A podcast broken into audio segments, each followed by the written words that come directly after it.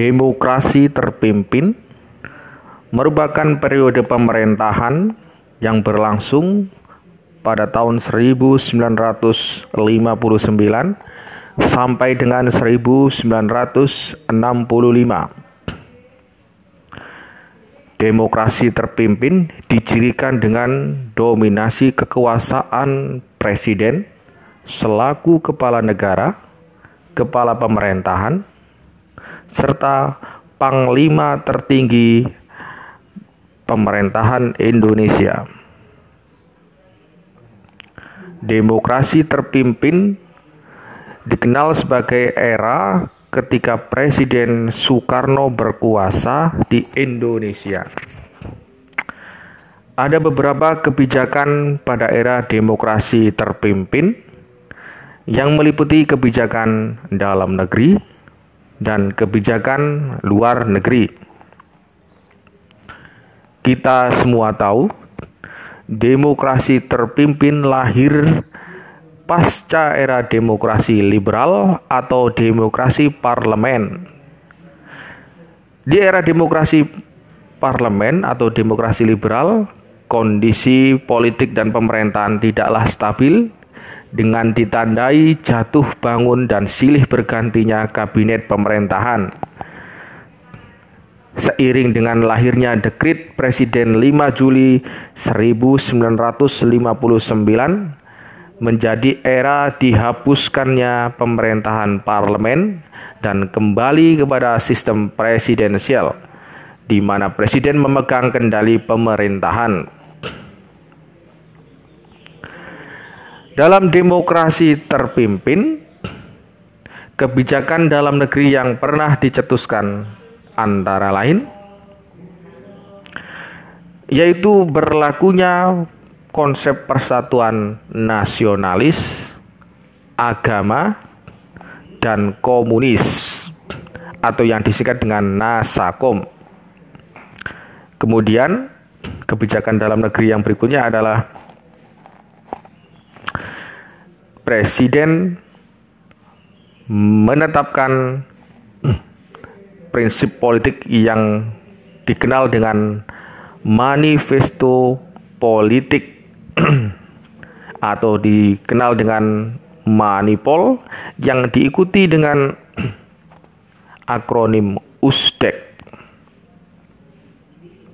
yaitu Undang-Undang Dasar 1945 Sosialisme Demokrasi Terpimpin ekonomi terpimpin, dan kepribadian nasional atau kepribadian Indonesia. Hal ini sudah ditetapkan dengan GBHN atau Garis Besar Haluan Negara. Dimulai dengan pidato Presiden Soekarno ketika peringatan Hari Ulang Tahun Kemerdekaan Republik Indonesia tanggal 17 Agustus 1959.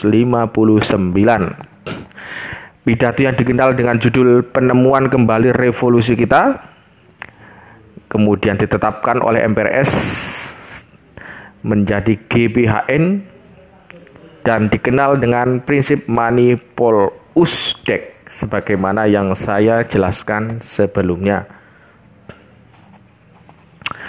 Kebijakan dalam negeri lainnya pada era Soekarno, tepatnya di demokrasi terpimpin,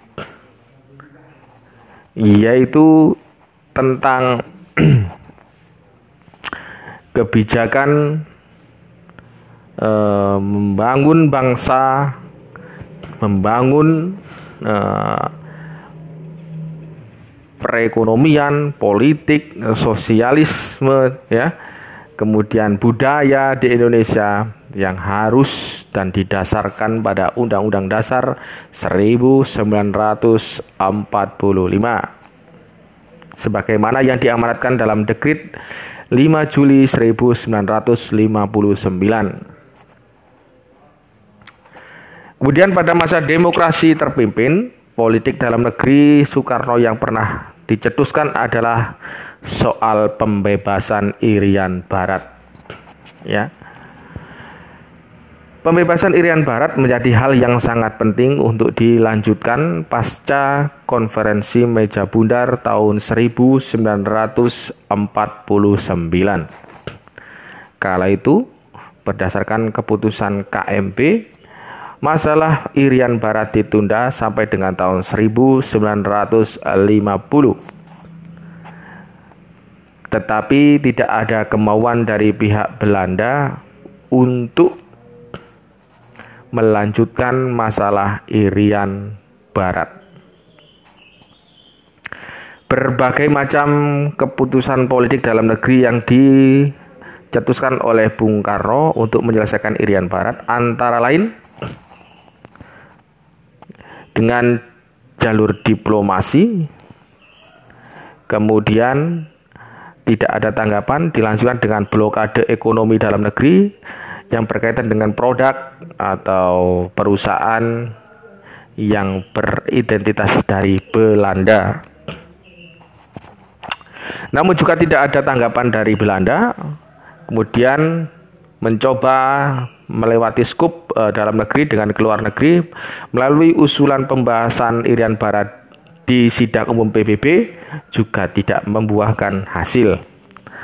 Oleh karena itu, Bung Karno memutuskan untuk konfrontasi militer memperebutkan Irian Barat.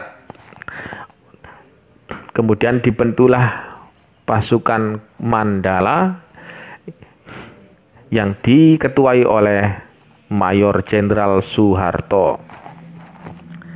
Saat itu Bung Karno melalui keputusan politik dalam negerinya mencetuskan Trikora atau tiga komando rakyat yang antara lain berisi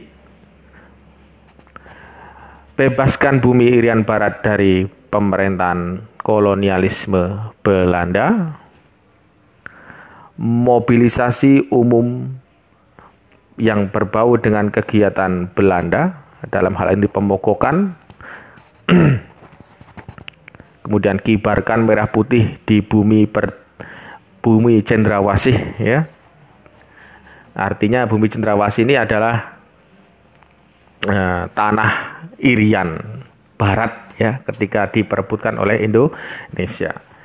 Dan ini pun berlangsung hingga tahun 1969 melalui penentuan pendapatan rakyat ya atau PEPRA yang dimediasi oleh UNTEA di bawah naungan PBB dan berhasil kembali ke pangkuan Republik Indonesia. Kala itu sudah memasuki era Orde Baru. Kita lanjut ke uh, masa demokrasi terpimpin. Kemudian kebijakan dalam negeri yang dilakukan di era demokrasi terpimpin ya yang dilakukan Bung Karno ketika itu berusaha untuk menyederhanakan partai ya. Tepatnya menjadi sembilan partai ya. Kemudian di kala itu juga Presiden Soekarno pernah membubarkan dua partai yang diduga ikut dan terlibat uh, dalam gerakan PRRI atau Permesta yaitu uh, gerakan yang berusaha untuk menuntut keseimbangan distribusi kekayaan daerah antara pusat dan daerah ya. Jadi kekayaan alam yang diambil dari daerah dituntut harus ada pembagian yang rata dan seimbang antara daerah dan pusat. Daerah dan pusat ya. Kemudian partai yang dibubarkan tadi adalah PSI dan Masyumi ya karena diduga terlibat dalam PRRI Pemerintahan Revolusioner Republik Indonesia atau Permesta. Kemudian di era demokrasi terpimpin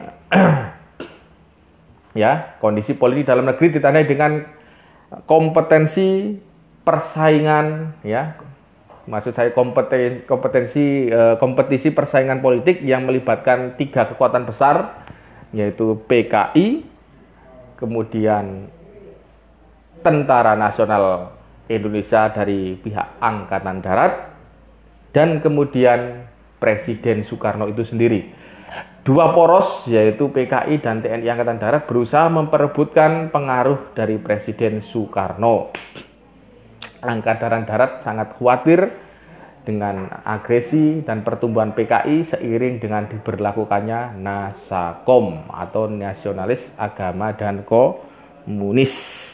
Puncak dari kebesaran PKI, kemajuan PKI adalah berusaha melakukan tindakan kudeta ya.